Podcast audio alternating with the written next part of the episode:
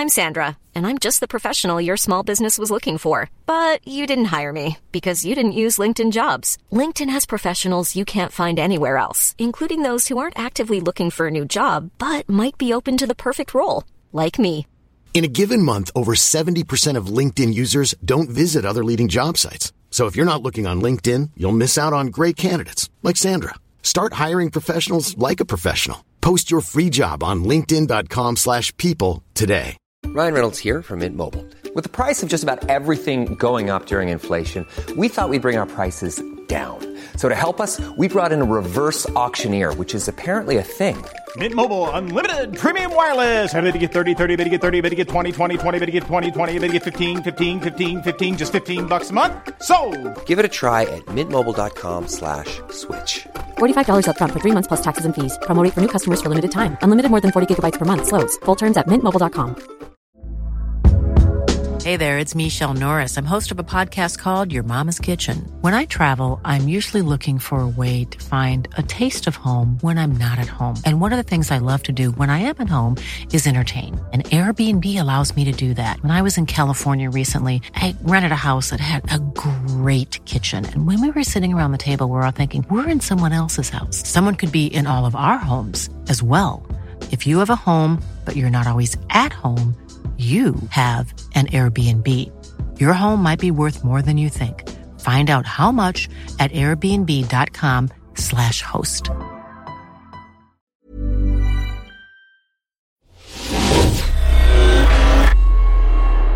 Innan vi drar igång så vill vi säga att vi gör det här avsnittet av podden med hjälp av vår samarbetspartner Krog och Company. Och som ni kanske vet är Krog och Company Jönköpings största nöjesställe med allt från den bästa nattklubben, krogshower till afterwork-quiz på fredagar.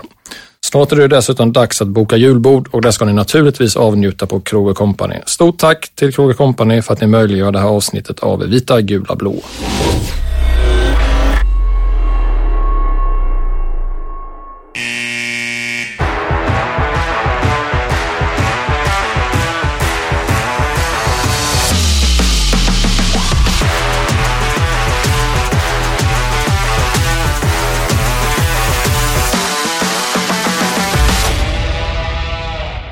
Hej och varmt välkomna tillbaka till Vita, Gula, Blå. En podcast som följer HV71 av mig, Karl Andersson och Jonas Ragnarsson. Och en Jonas Ragnarsson som jag ser för övrigt är lite, lite gladare än vad, vad han var förra avsnittet där. Ja, ja, det vet jag inte. Tycker du det? Jo, men jag är ändå laddad inför dagens avsnitt tror jag. Men sen vet jag inte om jag är glad. Det är så här Karl, att vi har nu ramlat in i månaden november. Ja, Och eh, de som känner mig vet att då får man hålla sig undan lite ibland, att jag kan vara lite gubbgrinig. För jag tänkte lite så här att skulle november vara en månad i en serietabell så har vi kanske juni, juli, augusti topp tre, men november är plats 12 och kanske möter då januari ett play-out och förlorar med 4-0. Uff, nu går det lite händelserna i förväg. Nu, jag är bara kvar i november. Alltså. Nej, men jag säger så här att eh, oktober är ingen månad, det är ett sjukdomstillstånd brukar jag säga. Ja, så är det. Så är det faktiskt. Ja. Men eh, vi har ju faktiskt en vinst i ryggen. Så är det ju, så är det ju. Så är det. Det är inte alltid vi kan säga det nu för tiden. Hur är det själv, Karl? Du, det är faktiskt fantastiskt bra. Eh, Jag är ju en kille som har lärt mig gilla hösten lite mer. Till skillnad från dig kanske då på senare år. Men när det är alltså slask och blöta löv ute, då är det inte så värst. Jag ser med den eh, godare sidan med lite krispig höstluft och så vidare. Förhoppningsvis lite seglar i ryggen. Det är bra. Ja, det, sen är det ju faktiskt så att under hösten är det hockeyn drar igång också, så att på ett sätt vill man ju ha den här årstiden också på ett sätt. Så är det ju faktiskt. Ehm, Dagens avsnitt Yes. kommer i stort sett bestå av två, två delar. Jajamän. Där vi först och främst har återigen en gäst. Det rullar på ganska bra med gäster. Det har vi. Vi har inte så mycket att säga vi två, så vi får ta hjälp utifrån, oavsett om det är en tuppen, nubben eller som idag, då tänker vi att vi ringer upp eh, hockeyanalytikern Simon Brännström. Mm. Eh, jobbat i HV71 för i fem, sex säsonger och även då känd från eh, Hockeylabbet på Simor eller förra året. Mm. Så att vi har bett honom att han ska grotta ner sig ordentligt i HV-siffrorna så att vi tar det som ett första segment och sen efter det så tänker jag att vi måste naturligtvis då gå igenom det som hände för ett par veckor sedan här när Montén fick kicken och en ny tränare på plats i Johan Lindbom. Ja, det är onekligen väldigt mycket att prata om och väldigt intressant att få kunna sätta lite statistik på vad vi ser på isen, lite siffror på vad som faktiskt händer. Eh, det är ju inte alla lag som har den möjligheten att kunna göra det kanske via ett supporterskap då. Eh, men som sagt, då ska vi prata först med Simon Brännström och sen så kommer vi gå igenom lite avslutande diskussioner om allting som har skett nu då. För det är ju som sagt här hänt väldigt, väldigt mycket de senaste veckorna. Jajamän, men vi tar väl och ringer upp Simon. Det låter jättebra. Ja, men då så. Då gör vi så här att vi hälsar välkommen Simon Brännström till podden Vita, gula, blå. Hur är läget? Eh, läget är bra, tycker jag. Hockeysäsongen är igång och efter de här typ första 10-15 matcherna så börjar det bli kul att analysera lite. Innan dess är det lite dåligt med data för att ha något underlag, men nu börjar det bli spännande att se lite saker. Är det just runt 10-15 omgångar då man kan få lite kött på benen så att säga, eller hur funkar det? Ja, man skulle kunna säga att eh, prediktionsvärdet, eller alltså, alltså framtida eh, utfall, är kanske lättare att se med underliggande siffror nu jämfört med tabellen exempelvis. Så på så sätt så skiljer sig underliggande och tabellen som mest nu och då Ja. blir det kanske också mest intressant att titta på det just nu. Yes. Jag tänker så här att när du går igenom alla de här statistikerna, hur, hur stor är liksom felmarginalen brukar det vara? Det, det, jag förstår att det är väldigt mycket olika i olika, när man mäter olika moment i spelet, men hur stor felmarginal skulle du säga att det finns? Tänker du på prediktionen eller på själva datan? Oj, ja, jag tänker datan kanske mest då. Ja, men datan är ju AI-taggad, liksom, så den själva mekaniken funkar ganska bra nu. Eh, Sportlogic som SHL använder kör ju en live-taggning kan man säga som sker under match som även eh, lagen kan ta del av i pauser och så vidare. Eh, men den, den kör de om på natten sen så även, eventuella fel justeras liksom då. Den har blivit mycket bättre från, från start så jag, jag har ganska god tilltro till datan. Liksom. Mm. Intressant. Och vad som är väldigt intressant också innan vi kommer in på just fallet HV71 och statistiskt sett och så vidare. Skulle du vara intresserad av att prata om hur du kom in i hela den här businessen? Hur, hur hittade du dig vägen till analytiker och så vidare? Jag eh, hamnade hamnar nog här som många andra, skulle jag säga. Att man eh, hade ett hockeyintresse från början. Eh, sen började man läsa statistikbloggar som ja, men det boomade väl där runt 2014, 2015 kanske. Från USA då framför allt. Eh, och så började man läsa dem och sen började man intressera sig för att kunna implementera det på svensk hockey. Då fanns det knappt ingen data så då var det mycket handknacka, sitta och kolla på matcher själv och tagga själv. Liksom. Och försöka komma fram med några form av slutsatser från det. Det låter som ett ganska gediget arbete tidsmässigt, tänker jag. Ja, men det var det. Alltså, detta var 2015 då kanske. Och 2016 var ju första året som jag tillsammans med min kollega Per jobbade tillsammans med HV71. Då. Och då fanns det ju inte Sportlogic, utan då, då satt vi ju varje match, eller efter varje match och taggade alla matcher själva. Så det tog ju mycket tid. Liksom. Absolut. Behövde ni spela in matcherna eller var det ändå så pass att ni kunde följa under realtid? Nej, vi fick videofiler som eh, lagen hade tillgång till då, som vi kunde sitta i efterhand och pausa. Så det var nästan omöjligt skulle jag säga att göra det eh, live. Jag var tvungen att pausa och titta om i vissa fall och sådär också. Men du sa runt eh, vad sa du, 2015, 2016, va? Ja, exakt. Det var väl då jag började intressera för mig och sen hörde jag av mig till Johan Hult i, under sommaren där 2016, tror jag, eller om det var våren 2016 där. Och sen hade vi ett möte inför säsongen och sen började vi samarbeta det året. Då blev det guld Eh. i stort sett för första året, där, 2017. va? Eh, ja, exakt. Det blev guld eh, direkt första året där. Analysfaktorn. Eh, eh, den var väl eh, marginell. Vilket Men, som är eh, hjälte där. Nej, men det som var kul var ju att eh, vi såg ju redan under hösten att eh, underliggande siffror var jättebra. Laget gick ju, ja, gick ju sådär och det fanns liksom en viss tveksamhet i föreningen märkte vi att den här truppen räckte, räckte, räcker till.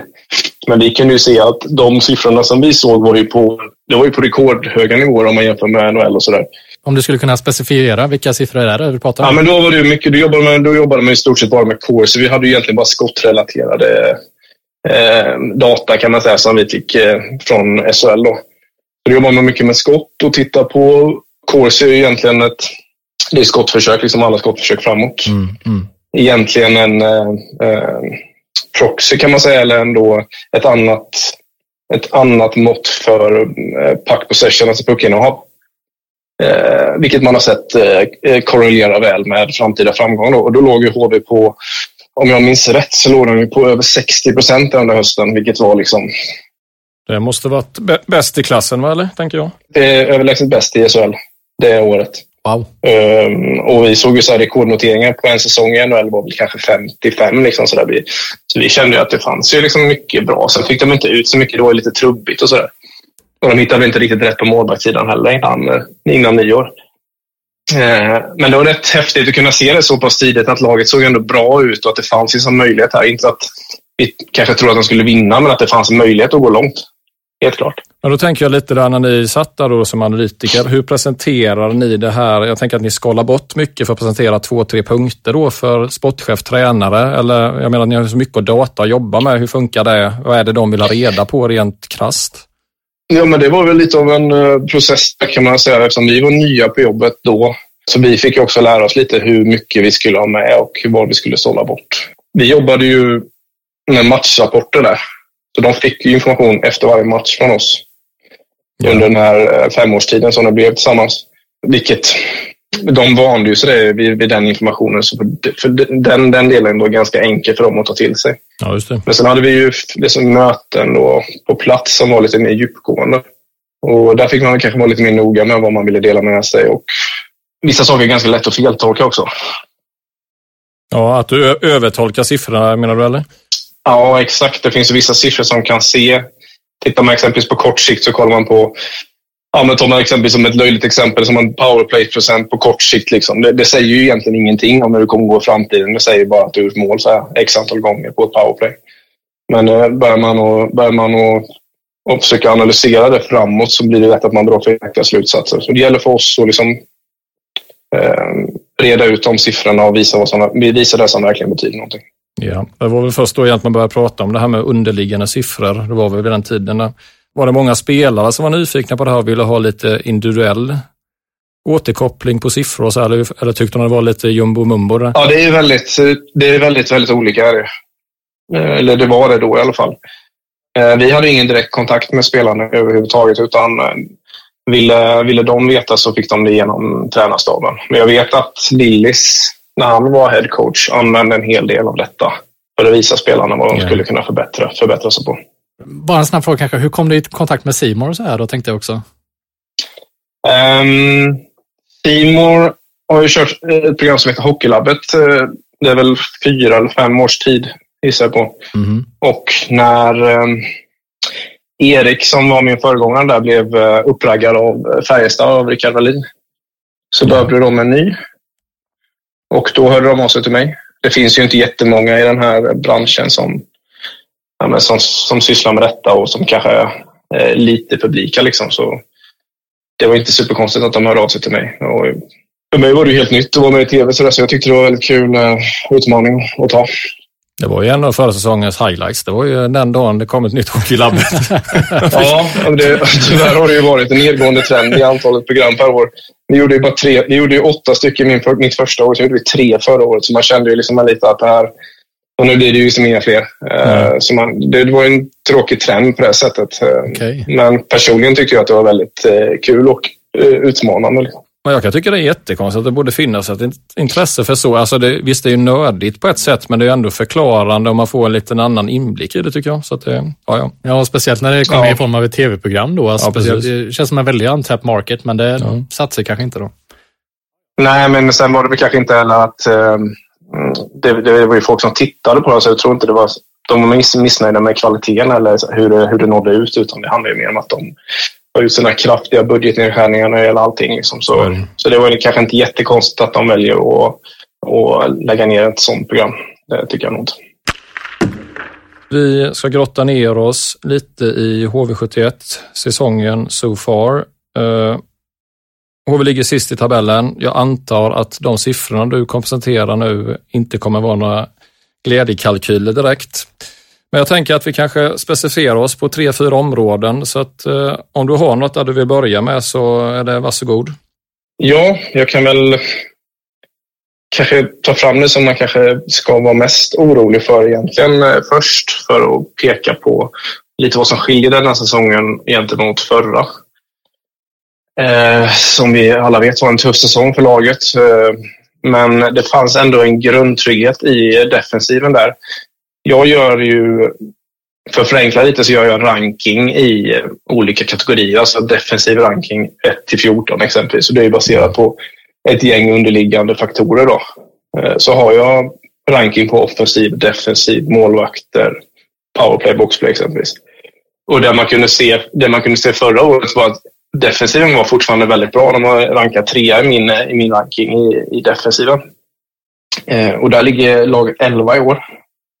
Ja. Mm. Eh, och då kanske man tycker så här, ja men det kanske beror på att man har satsat lite mer på offensiven och därmed gett upp lite defensivt. Men tvärt emot så ser defensiven sämre ut i år än förra året. Mm. Så där har vi på eh, plats 14 av 14 möjliga lag i offensiven. Okej. Okay. Det var inte jättebäst. Nej, 11 och 14. Det... Nej, och man kan ju säga så här. Ehm, defensiven har ju varit, ända sedan jag började med detta, så har ju varit HVs eh, absolut starka punkt. Eh, framförallt de tre, tre första åren där från 2017 och framåt så var de ju topp i ligan varje år i, i, i den kategorin. Och det berodde ju, berodde ju främst på att de släppte till väldigt eh, ofarliga lägen i snitt. De är bra på att hålla liksom, slott och så vidare. Är det där klassiska man pratar, att hålla dem på utsidan eller? Ja, exakt. Man kan säga så här. Man kan, ju vara, man kan ju vara bra på det och sen kan man släppa väldigt mycket skott och summan blir ju då kanske att det blir rätt mycket förväntade mål emot ändå. Men HVs styrka har ju varit att man har släppt till ganska lite skott och från ganska ofarliga områden. Eh, men nu har man liksom tappat den ena delen där lite, att man släpper mycket farliga lägen i snitt och det gör ju det tuffare för målvakterna varje match också. Och då tänker jag farligt område där vi lite slarvigt pratar om slottet då. Ja, exakt. Men det är också det som är inne i den här modellen är också vilken typ av passningar som eh, föregår skottet. Eh, om målvakten är skymd, hur målvakten är placerad. Så det är många andra faktorer än bara liksom själva platsen på skottet. Då. Så det är ofta, ofta är det ju liksom ett mått på att man kanske släpper till fler eh, rushes emot, alltså två mot ett eller tre mot två. Men också att man släpper in dem i slottet mer också, absolut. Och det var defensiv, där offensiva sa du. Var det, var det jumboplats där sa du? Eller? Ja, det är jumboplats. Eh, där räddas vi väldigt mycket av att vi har varit väldigt effektiva på de lägena vi fått. Nu hör att jag säger vi här fortfarande. Ja, det beror på att man har sina, år, har sina år här i klubben. Ja, jag gissar väl att det kanske har lite med att göra med den här kända statistiken som kommit upp en del på Simon, att vi är minst mängd tid i offensiv zon gissar jag va? Ja, ganska, det är rätt stor skillnad. Det är säkert fem, det är på tre, det är runt fem minuter för HV nu i offensiv zontid. Jag tror att de topplagen ligger på runt åtta per match. Då. Mm. Eh, så det är ju procentuellt är det väldigt stor skillnad. Och likadant, vad har du defensiv tid där då på HV i egen zon? Har du det också eller? Ja, det har jag nog inte riktigt i huvudet, men det är nästan motsatsförhållande där. Okay. Eh, att det är mycket tid i egen zon. Däremot är vi ganska snabba på att få ut pucken, så det kanske inte är så mycket puckinnehav i, i, i egen zon. Utan eh, så, eh, ja, det, det är nog lite samma, fast tvärtom om man säger så. Ja. Men offensiva där, eh, då tänker jag att då rangordnar man lite och kallar det för ofarliga skott då, om det kommer skott långt utifrån, eller? Mm, ja, exakt, det gör man ju. Um, alltså expected goals som vi använder mycket i analytics-världen är ju baserat egentligen på hur många skott du tar och hur farliga lägen du får i genomsnitt. Det är de två parametrarna som är i. Är i. Um, och som jag sa innan så har ju HVs styrka varit att man har hållit ner volymen, eh, antal skott emot sig och hur farliga lägena har varit. Nu är volymen ungefär densamma, men eh, lägena som släpps till är farligare. Ehm, och när det gäller offensiven så har HVs, HVs nackdel varit nästan tvärtom. Vi har skjutit, nästan alltid skjutit väldigt mycket, men från ganska dåliga positioner.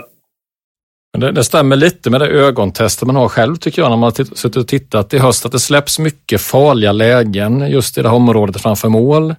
Och att det ändå har mycket avslut framåt men att de är, känns ganska ofarliga. Alltså det är mycket så här slöskott från kant och liksom det är ingen Ingen den där klassiska trafiken var förmodligen ganska lätt för motståndarnas backar och målvakt att boxa ut dem på något sätt. Ja, och till och med även, även när man kommit in och liksom kunna få lite rulle på motståndarna så blir det ändå något halvhafsigt skott från kanske någon av hörnorna och sådär. Precis som du säger. Då. Ja, men det är, för mig är det lite förvånande att man har liksom släppt till så pass mycket lägen och kanske inte fått jag förstår om man ger upp lite defensivt för att skapa mer offensiv om man säger så, att man chansar lite mer i vissa lägen. Då borde det betyda också att man skapar fler lägen och bättre lägen. Men det har inte blivit så alls. Det är det som är lite oroväckande. Utan när den ena parametern bara blir sämre och den andra inte blir bättre, då finns det liksom ingen uppsida med det. Nej, då blir det ju helt ohållbart över tid då. Ja, det blir det. Det sätter ju väldigt stort tryck på målvakterna och presterar väldigt eh, hög nivå varje kväll. Ja. Det var defensiven och offensiven. Och har vi något mer i svarta lådan? Mm, en tredje. ja, det sorgebarnet som jag tycker har varit för HV sista, ja, det är många, många år nu, det är målvaktssidan. Ortio, eh, enligt den data som jag har, är ju en, en målvakt som ligger på genomsnitt, eh, genomsnittsprestation. Har gjort så egentligen alla år, även de åren han hade i Skellefteå innan han var, eh, kom till HV. Han var väl en sväng utomlands däremellan. Ja. Um, och vi har haft, eh, vi har, det har egentligen inte hittat någon klockren träff på målvaktssidan där. Jag, vad har vi haft nu? Så vi tar efter guldåret 17. Vad har det varit efter där? Vi har haft... Eh... Gunnars, Gunnarsson har ju varit konstant kan man ja. säga. Gunnarssons siffror har ju aldrig varit bra. Nej.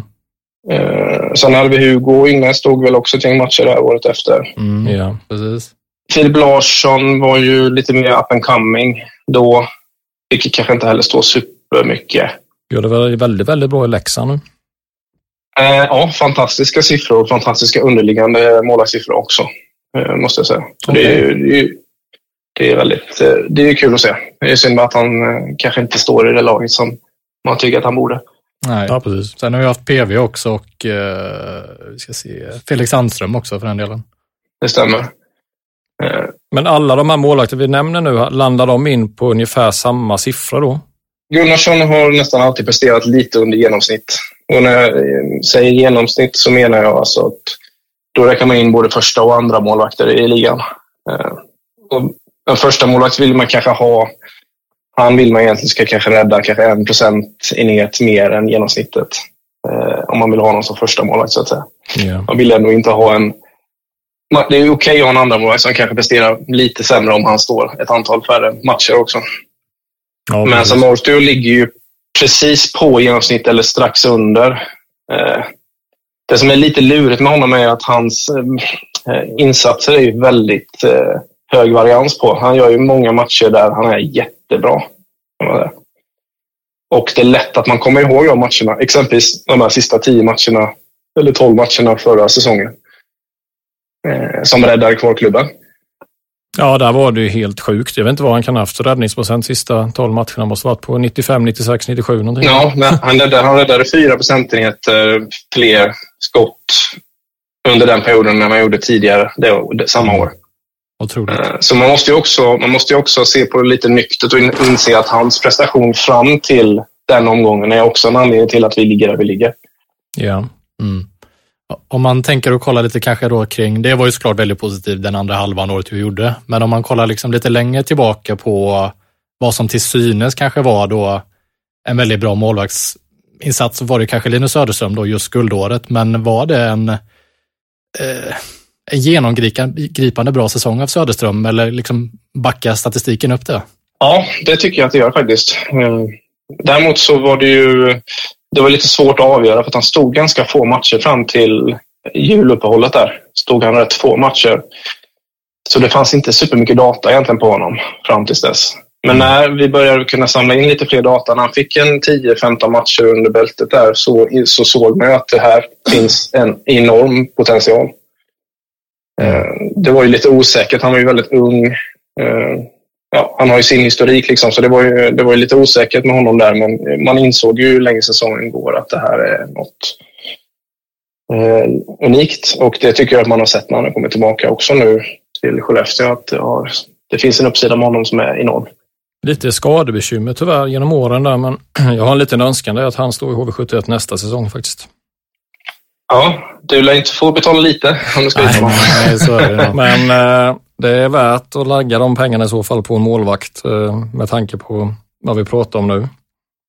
Ja, verkligen. Om man kollar lite på den här rankingen som jag gör och, och kollar de sista sex åren så har vi inte varit bättre än nia över en hel säsong. Och då är det både första och andra målvakt som räknas in i det måttet. Mm.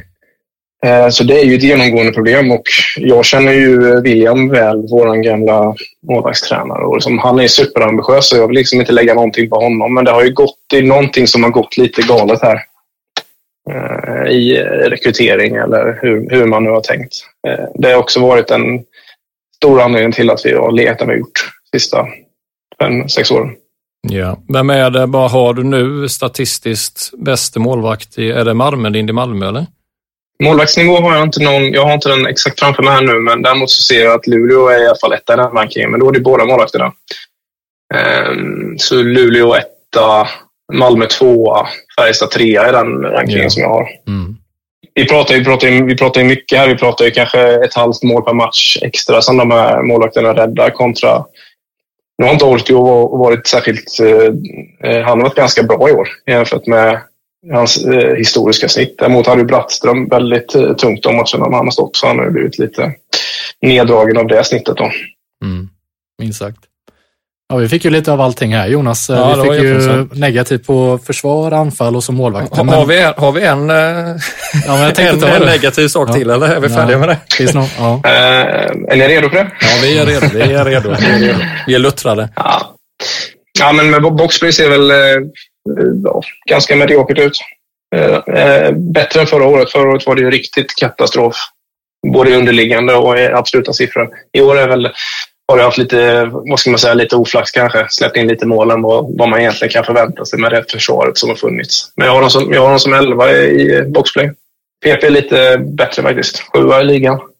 Men det finns det ju lite andra orosmoment som, jag vet inte om ni har varit inne på det. Det, det verkar ju inte riktigt klicka helt med Ja, men exempelvis med Tedenby som får spela fortfarande väldigt mycket. Precis. Nu fick han väl inte göra det efter tränarbytet. Han spelade inte PP förra matchen. Men mm. vi, vi, har haft okay. en liten take på det där. Eh, och ja, jag vet inte var, riktigt var, vi, var man landade. Jag tycker att han har säkert många fördelar, men han ska inte spela i powerplay. Nej, jag har eh, tre, mm, tre mål och första assist på honom de sista 230 minuterna i PP. Oh, ja. Ja, jag tror det var någonting i slutet av förra året och i år, eller den här säsongen, så var det en timme utan att han var inne på något mål framåt i powerplay. Ja, just det. Mm. Ja, det stämmer. Lite konstiga positioner han har satt sig också. Jag tänker framför mål och så här. Och, ja. Ja, det, men det, det känner, nu kanske jag, nu får du hjälpa mig lite Simon här, men jag tycker att de spelarna HV har, att det borde få ett väl fungerande powerplay också. Att det finns lite individuella skills och inbillar mig också lite boxplay också, att det finns spelartyper som borde kunna sätta upp en bra box. Mm, ja, men det, jag håller med. Det, det håller jag med Jag såg eh, en annan med, i powerplay där, det är ju Andrea eh, mm. Pettersson. Eh, han har gjort fyra poäng tror jag i PP. Första och andra assist och, eller första assist och mål på 160 minuter. Ja, det, är, det, det är inte heller super... som räddade upp PP eh, på egen hand. Ja, det är det verkligen. Han har gjort fem, fem mål eller sex mål i PP. Ja, exakt. Han har varit, uh, han har varit het, riktigt het framför kassan där. Men det är lite, jag tycker att det känns konstigt om han används på fel sätt eller vad det är som gör. Han, alltså de är, som är riktigt bra i ligan, ta Karlqvist eller ja, mm, historiskt då Lash eller Pudas eller Jonathan Jonsson i SARK liksom, som är riktigt bra. De gör, de gör tre gånger så mycket poäng som, som André gör i powerplay. Mm. Jag tänkte återvända till att, vad sa du, boxplay, så någonting, har det varit eh, svagt över tid också? Eller vad hade vi där, om vi räknar från guldåret, eller har det varit upp och ner lite där? Men det har varit helt okej okay, skulle jag säga, innan ja. förra året då som var en eh, katastrof. Mm. Eh, så har det ändå varit, det har varit helt okej, okay, men det har liksom ändå inte gått i linje med eh, defensiven 5 mot 5 som har varit liksom topp i klassen många år. Så kanske boxplay har varit mer eh, mitten, mittenläge på. Ja. Så det, det, går liksom inte riktigt hand i hand det där. Det, så är det med powerplay och anfallsspel 5 mot 5 också. Det är liksom inte riktigt någon korrelation mellan de där två spelformerna. Jag tänker så här sen Simon, det är ju såklart det är väldigt många saker då, de absolut största grejerna som vi pratar om, de går ju väldigt dåligt som vi tydligt ser, både på isen och då statistiskt sett. Men eh, finns det någonting i dina anteckningar där som är positivt? Vad är den största positiva grejen som man skulle kunna ta med sig nu då? Ge, ge oss någonting nu Simon, kom igen. ja, men jag, jag, jag, jag, ehm, jag har jättesvårt att hitta något spelmässigt som är... Det enda som jag känner är att um, jag tycker ju spontant själv att det känns bra med Lindbom in för han är han har en historik av att kunna sätta ett bra försvarsspel och försvarsspelet är ju det som är största problemet nu. Mm. Lindbom är ju när han fick gå, jag kommer ihåg när han fick gå 2018 så var ju vi väldigt mycket emot det för vi tyckte inte riktigt att det låg på honom utan det var andra saker som gjorde att det gick som det gick. Då. Mm. Uh, han, är ju en, han är ju en tränare som är ganska vad ska man säga, riskavert. Han är, ju, han är ju inte så sugen på att ta massa risker utan vill egentligen spela med ganska stora marginaler och, och sätta ett bra, bra försvarsspel. Och det tror jag är ganska nyttigt nu. Så det är, väl typ det, det är väl typ det jag känner som är det positiva, att det finns ju en himla potential eh, att göra någonting bättre av detta än, än, det som gjorts, i alla fall försvarsmässigt. Sen är man ju orolig för truppen. Liksom. Eh, och tittar man, tittar man på spelare så de som kanske inte har presterat på den nivån som man, eh, som man ville, typ Isak Brännström kanske, så ser man ändå i underliggande siffror att det ser, det ser superbra ut. Liksom. Han kommer till mer lägen än han gjorde förra året. Han tar fler skott, han tar mer ansvar i föra pucken in i anfallszon. Han gör mycket saker bättre i år än han gjorde förra året. Men eh, outputen, alltså han kanske inte har gjort lika mycket poäng då som han har gjort tidigare. Men där finns det åtminstone en, en kapacitet och en förmåga som, som finns kvar. Ja, för jag tycker han har försvunnit lite de sista fem, sex matcherna. Sen tycker jag han var otroligt bra egentligen första tre hemmamatcherna. Eh, tillsammans med Borgström och André. Det kändes som att där hade de ju istid i anfallszon varenda bytte och där kände jag mig, jag var liksom nästan spralligt glad och mässade Karl att har du sett vilken första lina vi har? Och sen kommer ju verkligheten. Ja, men det, jag, håller, jag, håller verkligen, jag håller verkligen med om det ni säger. Men kollar man på siffrorna nu och deras line tillsammans så är de, så är de inne på fler chanser bakåt än framåt. Mm. Um, och det är ju inte gott nog för en, den linan. Liksom. Det är, det är, de, de ska ju verkligen leda. De ska ju verkligen ligga i anfallszon mycket mer än de är i egen zon. Liksom. Jag får se lite vad Shore innebär där då i den kedjan, där, om det kommer bli den här ledande första linan igen då. Ja, precis. Ja, men jag tänkte med Lindbom där, då, intressant. du vet vad det är han säger, vad han har genomgång, att det är bara play it simple boys. Ja, det kan jag tänka mig. det är hans ledord. Ja, ja, det brukar jag höra sådär. Nej, men nej, jag tror som sagt att det, det är kanske det som behövs nu. Eh, eh, det, det, det är inte alls omöjligt. Sen är det ju så här, han är kanske inte någon han är inte någon tränare som det kanske är så på, på sikt är jättebra för eh, typ unga spelare. Som, eh, Fiske Möllgård får kanske inte supermycket förtroende liksom, eh, och sådana saker. Men det som behövs nu är ju en trygghet och en defensiv stabilitet. Mm. Det tror jag. Det känns väl egentligen som exakt samma läge förra året, bara att nu kom han in 25 eh, matcher tidigare. Ja, men förra året så satt grunderna mycket bättre alltså, när han kom in. Det var så? Det, ja, det, det är faktiskt stor skillnad skulle jag säga. Mm. Ehm, det har ändå Samuelsson som har jobbat med laget under en längre tid liksom, och han är också duktig på, på de grejerna.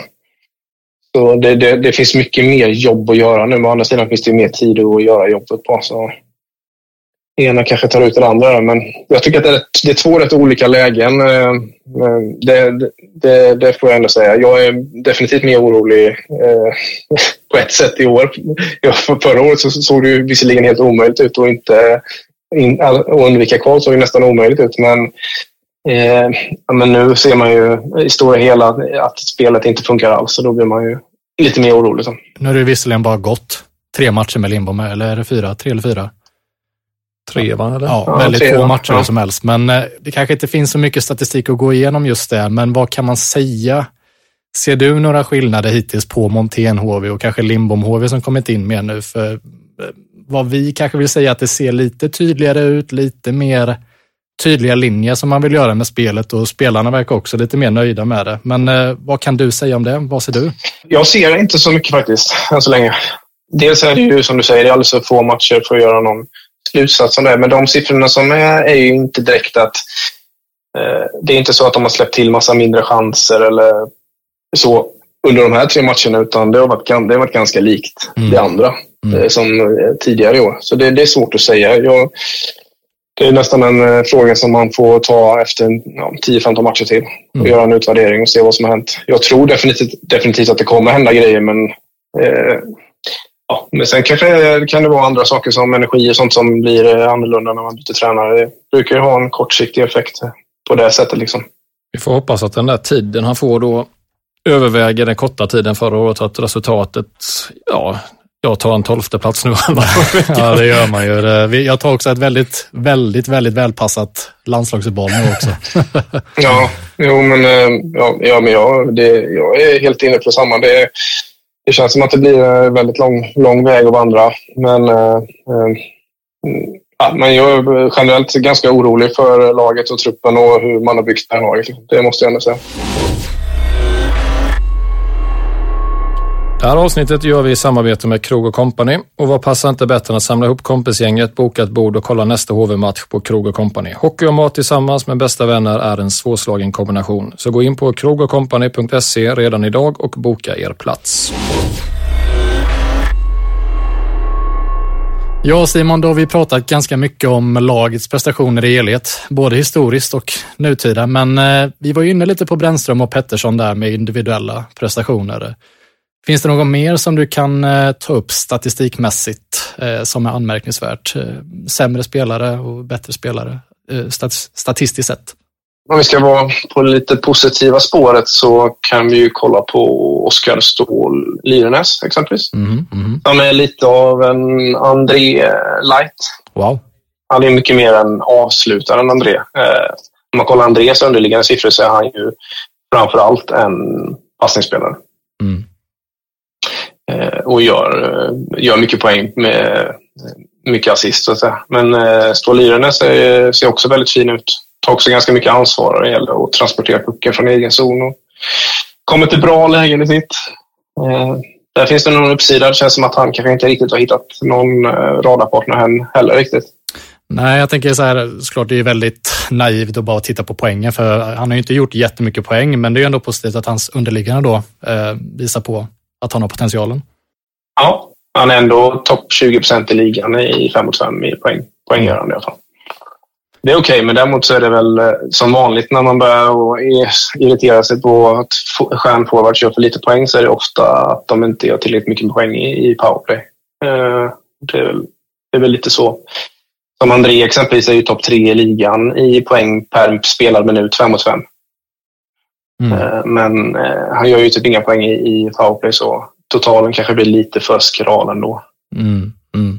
Ja, det har vi ju gått igenom lite också, kanske problemen ibland med powerplay. Och... Ja, som du säger med Ståhl så jag tycker han ser riktigt bra ut och har inte riktigt fått betalt för det jobbet han har gjort riktigt poängmässigt och kanske inte, nu vet jag inte hans speltid riktigt, men jag vill ha upp honom ett snäpp till där i både hierarkin och istid. Ja, men det, det köper jag absolut. Jag har ju typ eh, som, som Lentz exempelvis som spelar eh, bra mycket mer. Bra mycket mer istid som jag tycker ser ganska iskall ut. I alla fall 5 mot 5. Han har varit väldigt bra framför kassen i PP som vi var inne på. Men i övriga spelet så ser det ju, det är ju ingenting som ser kul ut där. Men då ger vi en extra blomma till Oskar Ståhl Lyrenäs. Är det André Pettersson och Isak Brännström där också i toppen eller är det två andra? Eller något mer namn där? Ja, men jag vill nog ändå lyfta Fiske Möllgård tror jag. Oj, De är oj. kanske en, mm. en av få forwards i, i truppen som har fina defensiva siffror. Wow, okej. Okay. Annars har vi varit lite mer kritiska. Alltså, det blir en väldigt lång fjolårssäsong för honom. Vi pratade lite med Dubben som sa att det var en tuff säsong. Han har kommit in sent i träning och så här. Men det var ju väldigt förvånande att han är så då. Så pass bra. Ja, det, han är, är topp i ligan på både försvara slottet mot passningar och eh, ja, med målchanser generellt emot. Eh, ligger han topp i ligan. Det är inte så mycket offensiv output, men det är kanske inte så konstigt. Jag såg att de hade typ 11 procent eh, offensiva zonstarter eller någonting. Det var otroligt lite. Och det är väl generellt sett för en fjärdelina då? Över tid också då? Nej, vi har ändå sagt så här, vi sa ju där innan Shore kom in att varför spelar de inte Mölgaard i en andra lina?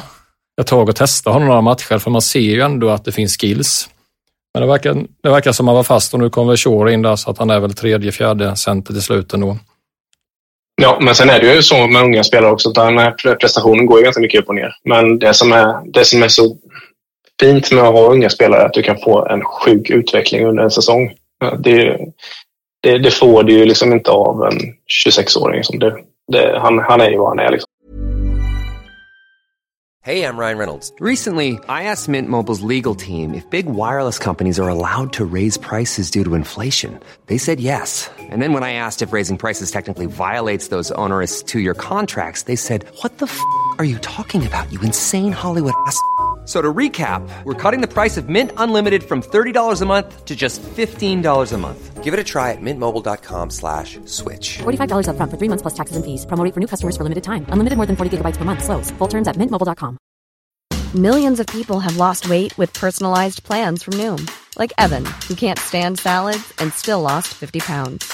Salads, generally, for most people, are the easy button, right? For me, that wasn't an option. I never really was a salad guy. That's just not who I am. But Noom worked for me. Get your personalized plan today at Noom.com. Real Noom user compensated to provide their story. In four weeks, the typical Noom user can expect to lose one to two pounds per week. Individual results may vary.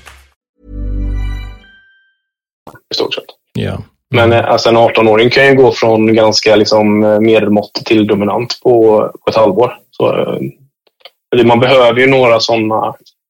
Man behöver ju ett par sådana, skulle jag säga, i, i ett, ett A-lag som har möjlighet att utvecklas. Så. Han hade väl lite den utvecklingen förra året där när han fick spela andra center vid jul, nyår där någonting. Jag undrar vad det var för dansk som kom in där som 17-åring som spelade, som har spelat seniorhockey sen han föddes typ. Det var imponerande att se. Ja, jag håller med. Det är väl, ja, det är de som är de... På backsidan så ser Nordellas siffror eh, bra, bra ut tycker jag. Eh, I alla fall i, i alla fall offensiva grej, I de offensiva bitarna ser han väldigt fin ut. Är det 5 mot 5 eller powerplay specifikt då? Eh, fem mot fem. Strålman, vad har vi på Strålman? Han ser också väldigt stabil ut. Ja. Han är också en av få som tar riktigt mycket ansvar för att eh, ta ut pucken i egen zon på ett kontrollerat sätt. Och vi är ju det laget i, i ligan som spelar mest sarg ut eller flipp ut. Så det är viktigt att ha någon där som tar lite ansvar för det. För det är typ ingen annan som gör det. Alltså det, det är bara Strålman där då. Ja, det skulle jag nog säga. Alltså, Kaski är ganska bra när han gör det, men han gör det väldigt sällan. Mm. Ehm, och, och ja, de andra typ gör det, Malachti gör det inte. Eh, Sjöholm gör det typ inte. Mm. Ehm, så det är viktigt att ha några sådana gubbar. Det, det är liksom en liten trend, i laget också, att backarna tar mindre ansvar för utgångar i egen zon eh, det här året jämfört med tidigare år. Eh, Jag vet inte om det är en taktisk eh, tanke eller om det är kvaliteten på spelarna. Det, det vet jag inte riktigt, men det är i alla fall så. Det känns som en väldigt stor anledning till att vi kanske fastnar väldigt mycket i defensiv zon då, att det, istiden ökar väldigt mycket just när vi är i defensiv zon. Ja, eh, så är det. Eh, Flippar man ut puckarna så blir det ofta 50-50 lägen och då blir man ju av med den ganska ofta. Eh, Men det är också kontrollerade utgångar är ju också lika med högre andel kontrollerade, kontrollerade ingångar och mer tidig anfallszon. Så det blir ju liksom kaka på kaka-effekter lite. Det var ju lite mindre charmerande siffror där, men om, om vi fortsätter att gå in lite mer på spelare som underpresterat då. ehm, har du någonting mer där? Sjö, Sjöholm är väl kanske den som är tydligast. Det är väldigt svårt att veta med honom för att han har ju spelat med Malachti mest, mest tror jag. Och Malachti har väl kanske sämst stats i lagen tror jag. Mm, mm. Det känns nog rimligt om man har sitt ögontest till det. Ja, det är eh, om man ser... Ja, jag la ut på Twitter en radar på honom. Den är, går ju knappt utanför den här innersta mittcirkeln. Liksom. Så då är man ju alltså botten 90 procent på i stort sett alla de eh, KPI som jag tycker är intressanta att kolla på på en back. Mm. Och det är klart att Sjöholm skadas lite av det. Kollar man på hans radar från förra året så är den ju fin. Liksom. Den är ju, då ser man ju liksom att ja, här, här finns det en spelare som har potential och, och kan vara ledande, kanske till och med ledande back, vilket många tror jag trodde också. Vi stod här i ett införavsnitt i, i somras. Ja, han var- ja, men han var ju så fin efter han kom tillbaka från utlåningen där förra säsongen och växte ju under hela våren sen. Alltså, han var ju grym de sista 10-12 matcherna. Han var ju liksom försvarsgeneral helt plötsligt. Och då är, man, då är man så naiv att man tror att när de slutar ska de sen börja säsongen efter. Jag vet inte, man är väl snett på det där då. Ja, men jag tror vi räddas ändå lite av det, just det som Simon säger, att man vet ju inte riktigt det med att han spelar med Malahti och det här, men det, vi får ju testa liksom lite utan nu.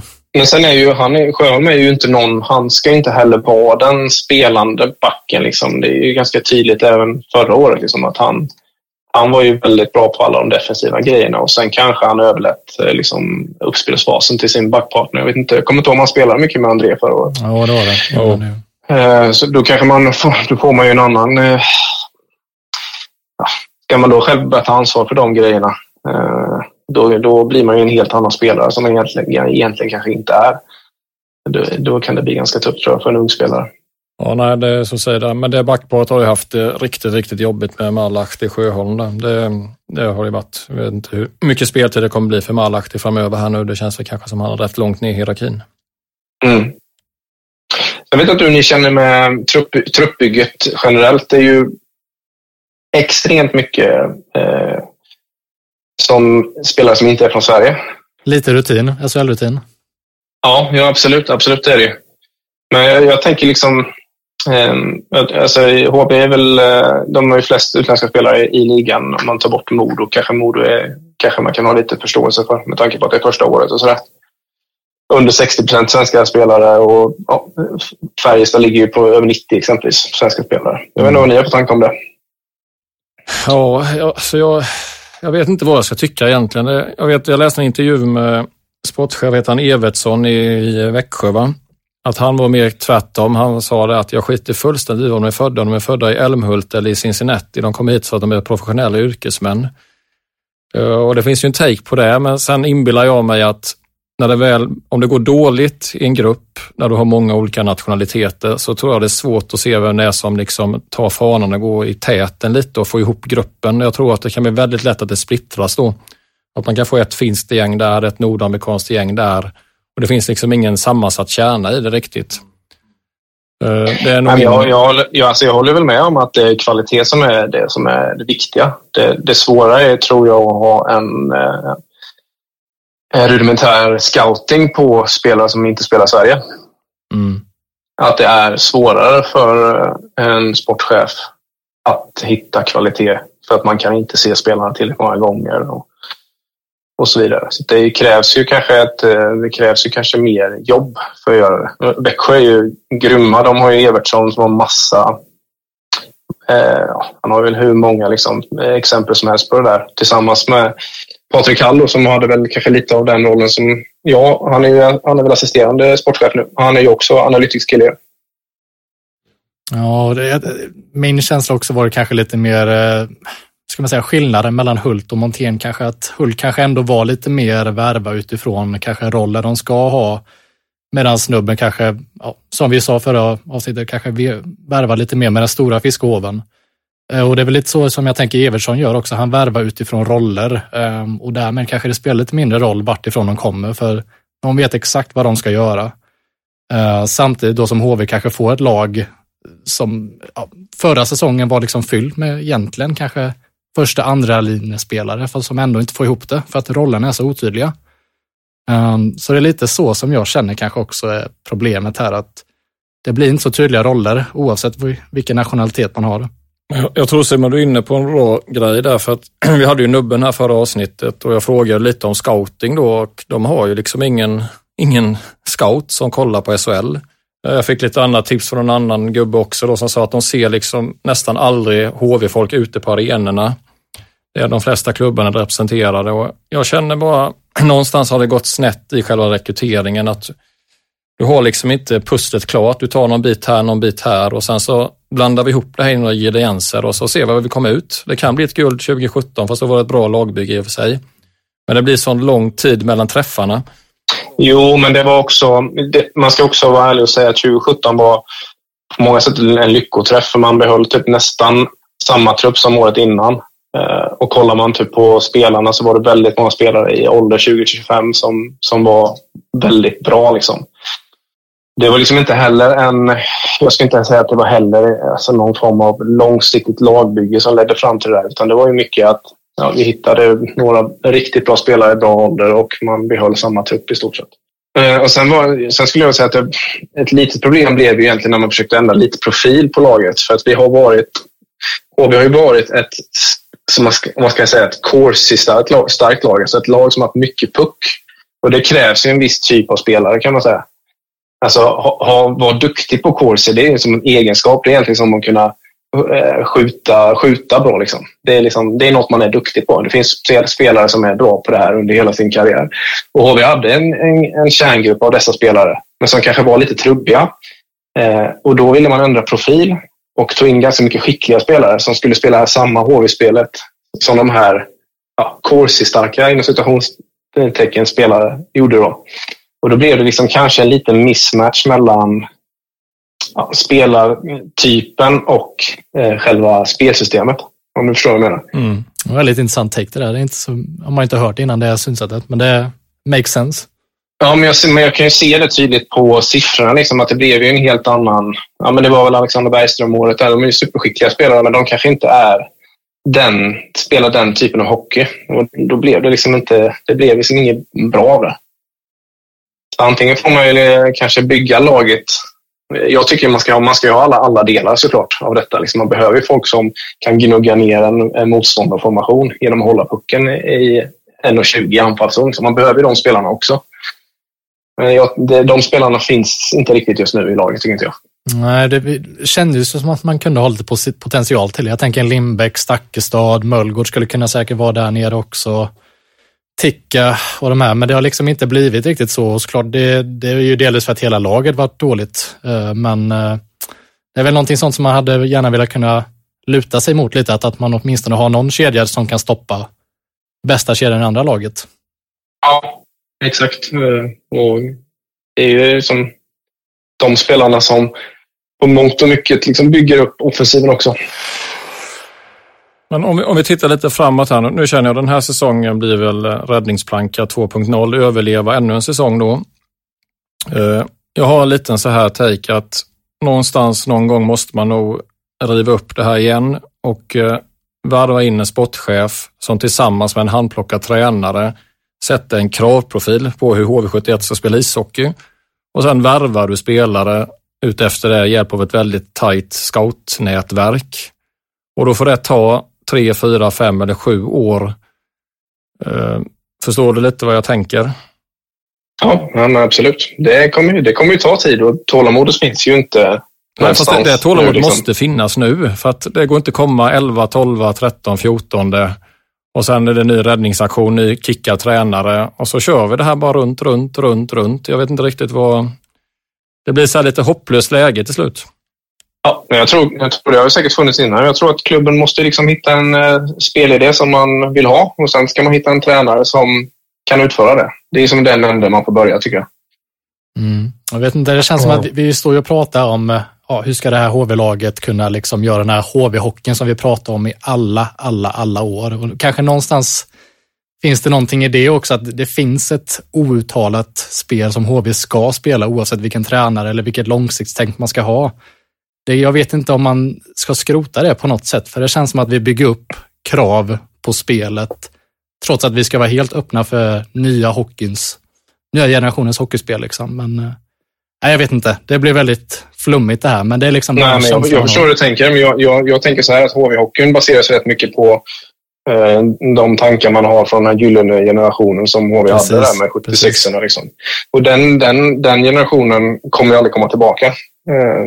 Det är ju, visst, det, det, skulle väl kunna hända med, men det var, ju, det var ju då och nu är det en annan sak. Så nu gäller det liksom att hitta de här organisatoriska delarna som gör att man kan bli en vinnande klubb på sikt. Och det har, det har liksom inte med det kan inte ha med två eller tre spelare att göra utan det här måste man liksom sätta mer organisatoriskt och leta efter de nycklarna. Man kan liksom inte tänka sig att ja, nu ska vi spela HV-hockey för att Davidsson och kompani körde över folk första bytet. Liksom. Mm. De var ju sjukt bra. Yeah.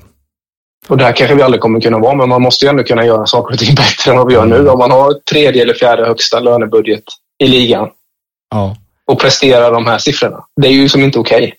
Uh, vi pratar ju en del om uh, de gästerna som vi har haft och jag och Jonas har pratat en del om att man har ju gått igenom det här så många gånger nu senaste åren och vi har ju varit inne och petat lite kring det här problemet. Men om jag frågar dig rakt upp och ner Simon, vad, vad tycker du är liksom stora problemet? För HV har ju ändå vänt på alla stora som små stenar för att försöka vända den här negativa trenden med den här klubben med ändå så stora medel som de har. Men det, på något sätt känns det som att landa på att det ligger någonstans i väggarna, den här mentaliteten. Men vad skulle du säga liksom? Ja, jag förstår, jag förstår frågan. Den är ju ganska stor och det är svårt, det är svårt för mig som inte är innanför väggarna liksom, och vet vad som händer. Eh, jag tycker Limpan är en, en väldigt kompetent människa. Liksom. Det, det tycker jag absolut. Sen är det ju olyckligt att man ska behöva hoppa mellan klubbchef och ner till tränare. Liksom. Det känns ju också väldigt märkligt tycker jag. Mm. Eh, men det, det som behövs är ju eh, utvärderingsförmåga. Alltså, de behöver någon eh, analytiker. Det behöver absolut inte vara jag. Eh, de behöver någon som är duktig på det.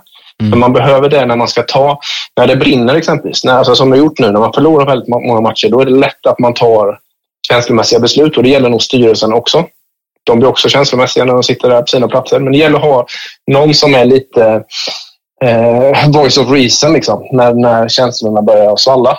Och då behöver man någon som kan titta på siffror och är duktig på det och kunna komma med input och säga att ja, detta ser inte bra ut men eh, det är på bättringsvägen, nu har haft lite otur eller det här ser väldigt dåligt ut, det är klart vi måste göra någonting. Man behöver någon som har den kompetensen. Eh, det är kanske inte det viktigaste, men det behövs i alla fall. Eh, sen, sen tycker jag väl att det, är svårt att utvärdera sportchefen Nubben på så här kort tid. Men jag, jag, jag tycker väl med, med facit i hand att det är alldeles för många värvningar som är för, som är för dåliga. Det, det är jag inte ensam om att tycka. Och har man den budgeten man har eh, så kanske man också bör, bör göra lite bättre due diligence än att göra allting själv. Ja. Man kanske behöver ta in eh, hjälp på den fronten också. Eh, den här analytikertjänsten och scout, de hade ju en scout innan, det avpolaterade sig i samband med degraderingen. Det är som du säger, HV drivs i stort sett som ett storföretag, omsätter x antal miljoner. Och då känner jag lite så här att hur kan man inte ha kollat på de bitarna att anställa någon analytiker, anställa någon mer, alltså någon sportchef som jobbar mer mot siffror. Alltså står det lite det här att det är lite som, det går lite på uppstuds för vi har så mycket pengar så vi, vi kan värva spelare och vi kan gå nit några gånger men där hittade vi en LaLeggia på, på tre missade värvningar.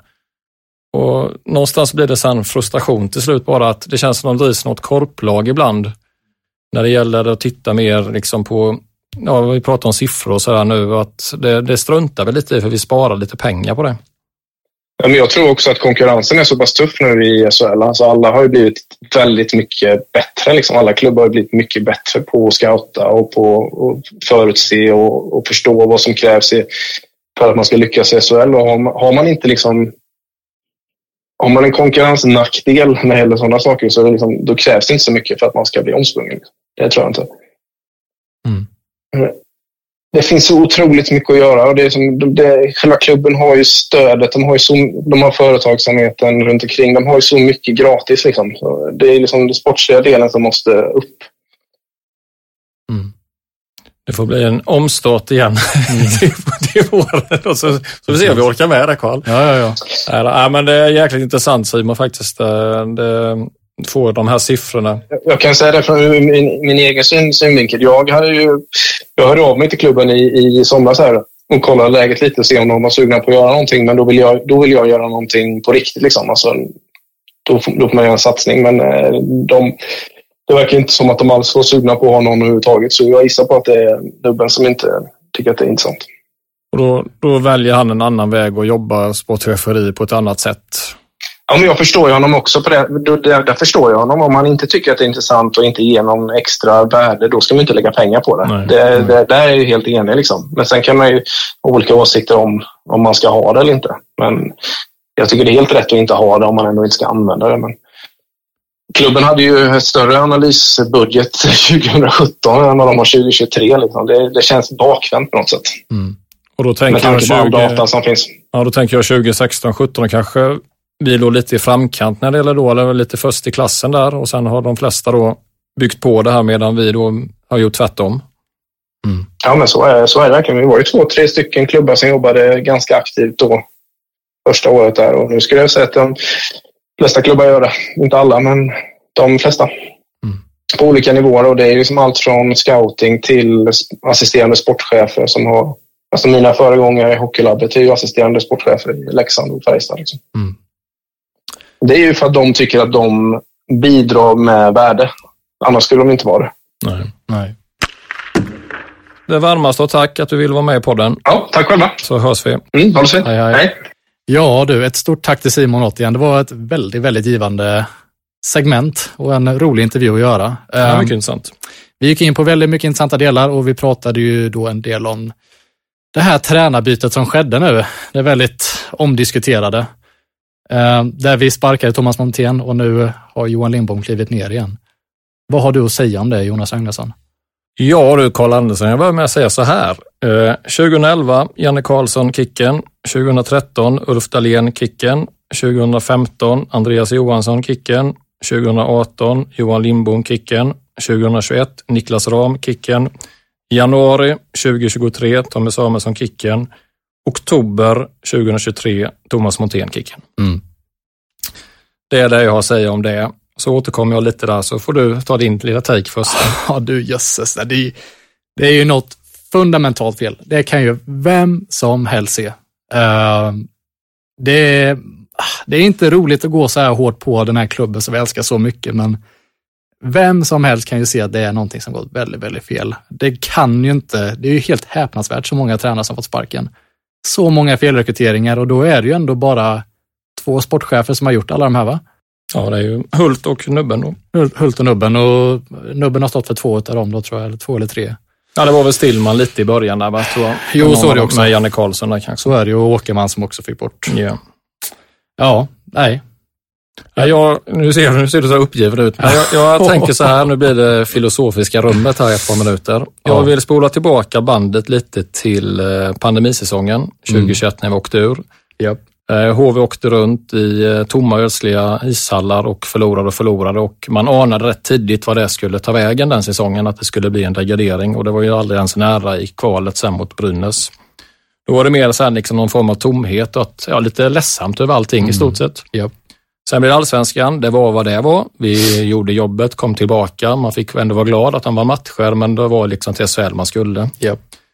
Sen förra hösten började det riktigt knackigt. Det blev någon form av oro tycker jag, men samtidigt ställde ju publiken upp. Det var väl 12 fullsatta hus. Yep. Och man hörde nog knappt ett burop, tror jag inte, på hela säsongen, ändå när det var som tyngst. Konstigt nog. Så, så då var det det här, liksom, om vi säger att det var lite tomt och ledsamt pandemiåret, så ersatt sen, tycker jag, nästan någon form av oro förra säsongen, som ändå slutade väl. Vad som då har hänt den här säsongen tycker jag är att då är det egentligen en grej kvar på den här känslomässiga skalan. Det är nog ilska mm. och att förbannade, alla folk blir helt enkelt förbannade. Ja. Och eh, jag tycker det klimatet det var runt, det började redan koka liksom efter Norrlandsturnén. Mm. Eh, det var många som hade åsikter och tankar och eh, det här liksom, det byggdes upp till slut och någonstans så nådde, nådde vi ju det här klimaxet då med den här 08-matchen mot Malmö. Mm. Och eh, jag, jag, säger så här, det var ju ett klipp som blev viralt där för några supportrar lämnade väl ståplats och gick ner och jag vevade lite mot eh, bänken och plexiglas. Men jag, jag känner lite så att det, det, det kunde varit jag också som ja. var där. Yep. Eh, för någonstans, någon gång, så får folk, folk faktiskt bli riktigt heligt förbannade och känna att eh, nu räcker det. Mm. Det går inte bara att stå och klappa sen vi älskar HV efter en sån match, utan någon måste reagera och säga att nu är det nog. liksom.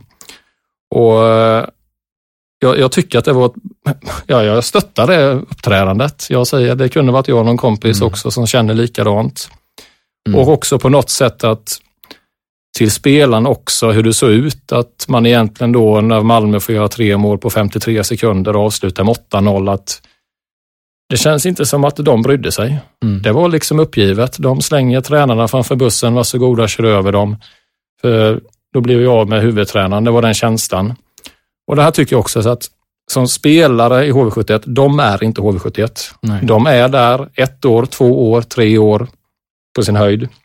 Sen är de vidare till nästa arbetsgivare och en god månadslön där också. Precis. För att HV71, det är supportrarna och supportrarna är HV71. Mm, mm. Ta bort de 6 000, 7 000 som går till hallen varje kväll. Vad är HV då? Nej, har- Ingenting. Vi är ju en 2021-säsong där vi åker ur. Ja. Det är ju ett praktexempel på det. Så att jag någonstans, och det, att man inte då visar då som spelare, kanske den matchen mot Malmö exempelvis, att man inte visar mer inställning, mer passion och mer hjärta och kanske lite, ja, i stort sett respekt för klubbmärket. Där tycker jag det passeras någon gräns. Eh, Och jag tror att det nåddes, det var botten där 08 och efter det kan det egentligen bara bli bättre. Ja. Sen är frågan hur bra det kommer bli. Men jag vill aldrig, aldrig någonsin uppleva en sån match igen i Kinnarps arena eller Husqvarna Garden eller vad den heter om 20 år. Nej, jag, jag måste säga det, jag har aldrig varit med i en sån stämning. Jag skulle nästan inte vilja säga i något sammanhang där jag varit på plats. Eh, så otroligt hetsk stämning det var. Eh, och jag är med dig fullt ut där Jonas, jag förstår publiken till fullo. Eh, inte att man skulle attackera spelarna fysiskt, men jag förstår absolut alla burop, de här människorna som står och skriker på spelarna. Och jag, jag, jag kan ha en förståelse för det. Ehm, självklart ska ju aldrig någon komma till skada oavsett situation, men det blev det ju inte nu och jag tycker att det var en, eh, en hälsosam reaktion från publiken för att jag hade kanske inte resonerat på samma sätt om det här varit varje match och vid första nederlag att publik skulle reagera så här.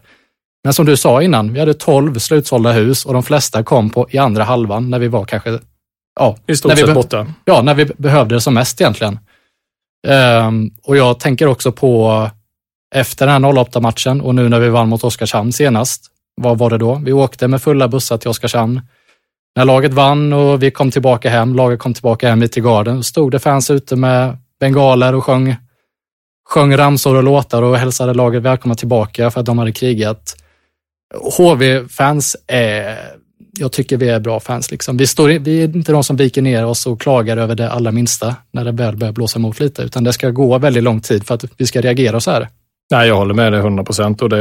Men någonstans, eh, topplocket fick gå, bägaren rann över och eh, hårtorken gick fram och jag, Mm. jag, jag köper det. Sen en annan sak som vi också, vi har fått två tankar nu samtidigt i huvudet här. Att där får man gärna balla ur i arenan och liksom eh, kicka lite plexiglas och sådär. Men skilj på person och prestation. Vi måste, alltså folk är så dåliga på det. Eh, spela HV som en påse nötter, då kan jag säga det eller skriva det i bloggen att HV spelar som en påse nötter. Men man kommenterar aldrig spelare utefter vad de gör eller hur de ser ut. Eller, alltså, jag förstår lite vad jag menar. Och det, det är så mycket nu på sociala medier som det var några vecka där att det liksom är egentligen rena, ja, inte hot kanske, men det finns en hatisk bild där folk sitter och gömmer sig Ja. bakom tangentborden och sådär. Mm. Det är bort med den skiten bara på riktigt. Sen måste man få kunna få vara arenan och uttrycka sin besvikelse. Det, är som säger, det handlar om en sak, det är passion för Jönköping, passion för HV71. Så är det faktiskt och det är ändå någonting som man får köpa in sig på när man kommer hit. Att, och det, det är ju inte en speciellt svår situation tycker jag heller, för att vi är de första vi är de första att kritisera, men vi är definitivt också de första att hylla så fort det går bra. Oh ja. Oh ja. Det har vi ju verkligen fått lära oss efter förra, förra säsongen. Så nej, jag, jag är ändå glad för de supporterna som vi har här i stan och att det är så stort hockeyintresse och att vi ändå reagerar som vi gjorde, för det kändes verkligen som att det behövdes. Absolut. Men rent krasst, Johan Lindbom in i båset igen. Japp. Vad har du för, vi pratade lite med Simon om den då, men bara, det tog 12 omgångar då va? Ja, det gjorde det. Eh, inte rekordkort tid eh, för en tränare att bli sparkad i SHL, men det kändes ju som att jag vet inte om allting låg på Tom, Thomas Monténs axlar versus om det var lagets prestationer. Alltså det, det är ju en, någon slags mix av allting tror jag med orutin och att laget inte kommer kunna komma samman och förstå den här spelidén som Thomas lagt upp för dem. Men hur som helst så behövdes ju en förändring tycker jag och på något sätt kan man inte sparka alla spelare för att spelidén inte tas upp rätt utav dem, utan då blir det ju en mycket enklare åtgärd att då byta huvudtränare, vilket jag tycker att man gjorde rätt, för man har ju ändå en påvisad bra ersättare i Johan Lindbom som gjorde det förra säsongen. Sen måste jag passa på att hylla Johan Lindbom också som vågar kliva ner en gång till. Det är en man som absolut inte skulle få någon kritik för att han inte lyckas sätta något spel denna säsongen, om det nu skulle bli så.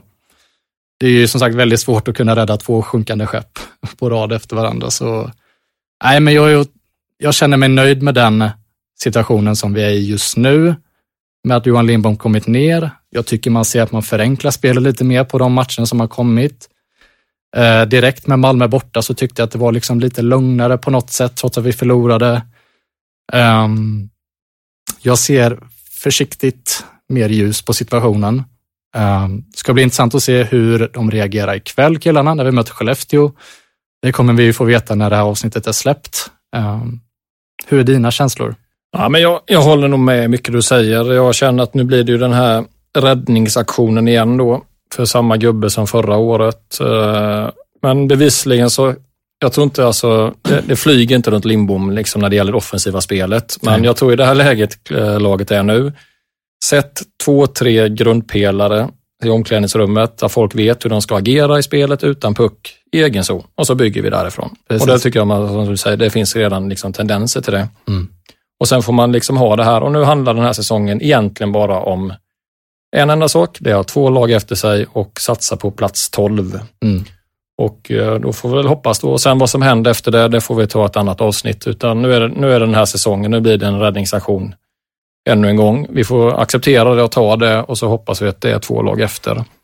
Sen hur det är långsiktigt, för jag tror inte att Johan Lindbom kommer träna HV nästa år. Nej. Om HV hänger kvar, det har jag svårt att se. Men det, det, får vi ta längre fram, utan vi får på något sätt bara ta det här nu och så får de eh, ja, köra vidare på det. Mm. En liten ljuspunkt i det hela är att vi åtminstone får den här förändringen nu snarare än att det är i december som förra förändringen kom. Januari kanske? Ja, januari till och med. Ja, så att eh, vi har ju mycket tid på oss nu i alla fall att fixa det. Och, eh, som sagt, väldigt svårt att kunna säga någonting nu. Det är ju någonting vi får kom, återkomma till nästa avsnitt hur det ser ut. Men ja, det blir intressant. Yes. Lite spelarförändringar. Nick Shore blir klar, ja det var väl eh, två timmar efter vi hade stått här med nubben yep. i, eh, i några timmar där att eh, det var klart där. Mm. Återvände då efter sin lyckade session förra året och ja, han var väl MVP borta mot Oskarshamn tycker jag, 1 plus 1 och det hände ju saker hela tiden där. Mm. Vad har du för take på Nicholas Shore? det är perfekt nu i juletider. Saint Nicholas. Saint Nicholas ja.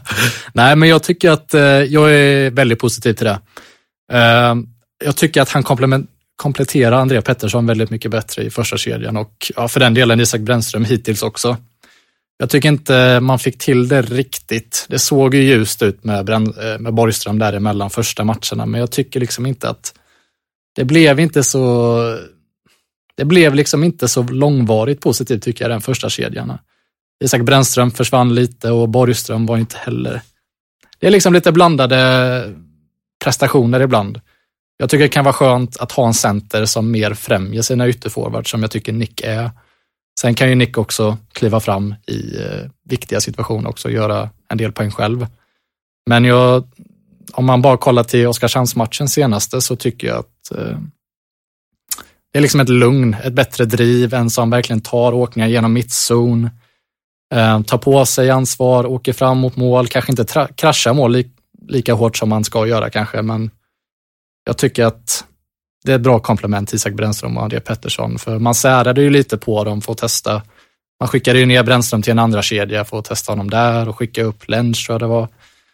Så det ska bli intressant att se ikväll, för det är ju ändå en startsträcka för Shore också. Och jag, jag, tycker han ser ju, jag tycker han ser bättre ut i år hittills faktiskt än vad han gjorde förra säsongen. Framförallt tycker jag han ser bättre tränad ut. Eller hur? Det ju... Eh, då kom han från, var det Schweiz förra året eller? Ja, precis. Ja. Från Zug tror jag. Och nu har han varit försökt ta plats i NHL där, så det känns mer slimmad eh, Shore också. Och det är så att säga att nu är ju han inne i det, han vet vilka han spelar med. Det är inte den här milsvida startsträckan och ta två mål innan han är igång, utan han kan ju i stort sett gå i skarpt läge direkt. Då. Ja, precis, och det, det, kan man verkligen hoppas. Nu ska man inte ta upp sådana fakta och göra det relevant, men det, enligt Sportbladets uppgifter så var det en ganska rejäl summa som man fick betala för Shore. 2,8 miljoner netto. Ja, det blir ju pengar det. Mm. Men det är som vi säger i HV-land att det är dyrare att åka ur. det är väldigt, väldigt sant. Och åtminstone vet man ju vad, man får här i alla fall, vilket är väldigt skönt. Ehm, från en center till en annan så kan man gå in på Tommy Ticka då, där vi fick uppgifter på att han har spelat skadad under större delar av säsongen hittills. Ja, han skulle ha spelat på 70 procent av sin kapacitet då. Mm. Jag vet inte riktigt. Ja, det är ju ljumskarna som varit problemet, vad man har fått reda på. Mm. Eh, sen kan man ju tycka då om det, om man ska ha en skadad spelare, om så är fallet, att han skulle gå i en andra lina med rätt mycket istid. Mm. Vem är det rätt för? Är det rätt mot laget eller rätt mot honom själv? Det känns väldigt konstigt allting där. Mm. Eh, Men du har väl varit på någon träning i veckan som vanligt Karl, så du har väl sett om han är med? Ja, men jag har varit och kollat lite grann. Det är det som är fördelen med plugget, att man kan ha ganska luftigt schema. Du hade suttit ändå tror jag. Tagen på bar gärning. Nej, men eh, det är ju en liten hatt som man fick, fick käka upp lite kändes det som nu in på säsongen. Det har ju i och för sig varit med många spelare att de har liksom inte riktigt blivit så bra som vi trodde att de skulle vara. Samtidigt så har vi haft rätt mer på Strålman och Borgström. Men Ticka har ju varit en sån då som man fått ifrågasätta en hel del.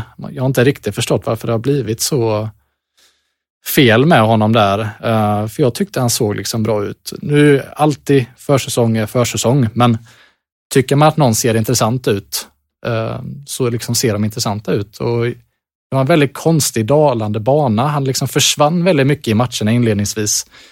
Vilket jag inte riktigt förstod. Eh, han är ju den som verkligen som ska krascha nätet, vilket jag tycker att inte våra centrar har gjort så mycket inledningsvis, inledningsvis på säsongen. Men eh, ja, då har vi ju fått kanske ett svar nu på att han har spelat skadad. Inte för att han ska få någon rakethöjning nu kanske, men han kan jobba liksom lite mer problemfritt nu förhoppningsvis, om han är med ikväll eller nästa match. Och han får ju ett helt landslagsuppehåll på att träna ihop sig nu. Vi får väl säga kravbilden där får bli att han får bli frisk då. Om man nu kan gå på 100 procent och sen kommer det vara en fjärde lina center för honom. Mm. Eh, Speltid 9 till 11 minuter. Precis. Sen får man nog göra en utvärdering efter säsongen där det är ju ett lukrativt treårskontrakt också för säkerhets skull. Så att, eh, ja. Ja, det blir minst sagt intressant. Han kommer behöva höja sig en hel del och det blir en väldigt trång centersida där vi egentligen har Borgström, Shore, Nettinen, Ticka, Stakkestad, Fiske Möllgård och så Lindbäck då som de säger kan spela center. Men det lär ju inte behövas nu då. Men eh, ja, det är en kille som behöver höja sig, Tommy Ticka och vi får se vad han kan göra med en frisk kropp nu i alla fall. Absolut. Ja, som du säger Jonas, som jag får säga idag, vi börjar gå ner för landning. Ehm, tack för ett roligt avsnitt. Det är samma Karl och tack till Simon en gång. Det var ju fantastiskt trevligt. Nej, otroligt roligt. Ehm, det känns ju som att vi måste ta upp en grej innan vi lämnar dagens avsnitt och det är ju faktiskt att en stor HV-ikon har lämnat oss. Ehm, lite före min tid och lite före min kunskap så att jag passar över den helt och hållet till dig Jonas, som avslutning på podden idag. Så är det Karl. Det kom ju beskedet här i början av veckan att Ove Ljungåker gått ur tiden, 84 år. Och eh, för er yngre nu ska ni förstå en grej här att eh, ikon kallar man inte vem som helst, men det var en Ove Ljungåker i HV-land och han kallades också då för Mr HV. Eh, enkelt sagt, utan eller ingen Ove Ljungåker, inget HV som vi känner idag. Det var han som var med och byggde upp klubben. Hade inte Ove Ljungåker gjort sin gärning här så hade det inte funnits något som blev Kinnarps Arena och något som blev sen Husqvarna Garden. Så att vi ska vara försiktiga med ordet ikon, men i det här fallet tycker jag han är klockren för den beskrivningen faktiskt. Och det är så här att jag, just vi har pratat lite om passion och kärlek till sin klubb idag, och kanske brist på den. Det här var då en, en man som verkligen brann för det här. Och jag tar mig friheten att citera vad en av hans söner, Emil Juncker, sa till Jönköpings-Posten tidigare i veckan. Han sa så här att vi har ett annat perspektiv från familjens sida, men alla har nog svarat att det känns som vi varit fem barn i familjen. Det är jag, Malin, Emma, Peter och HV71. Pappa har behandlat klubben precis som just det, ett av hans barn. Slutcitat. Mm. Och så säger vi vila i frid. Vila i frid. Tack så mycket hörni. Tackar.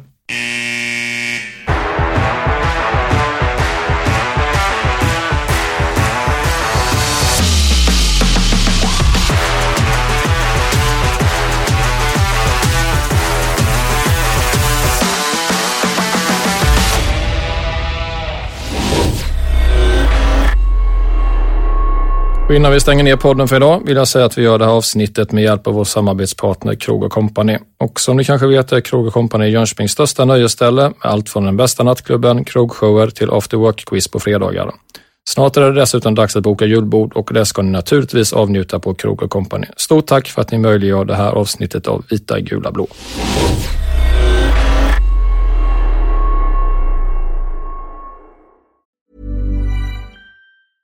Even when we're on a budget, we still deserve nice things. Quince is a place to scoop up stunning high-end goods for 50 to 80% less than similar brands. They have buttery soft cashmere sweaters starting at $50, luxurious Italian leather bags, and so much more. Plus, Quince only works with factories that use safe, ethical, and responsible manufacturing. Get the high-end goods you'll love without the high price tag with Quince. Go to quince.com slash style for free shipping and 365-day returns.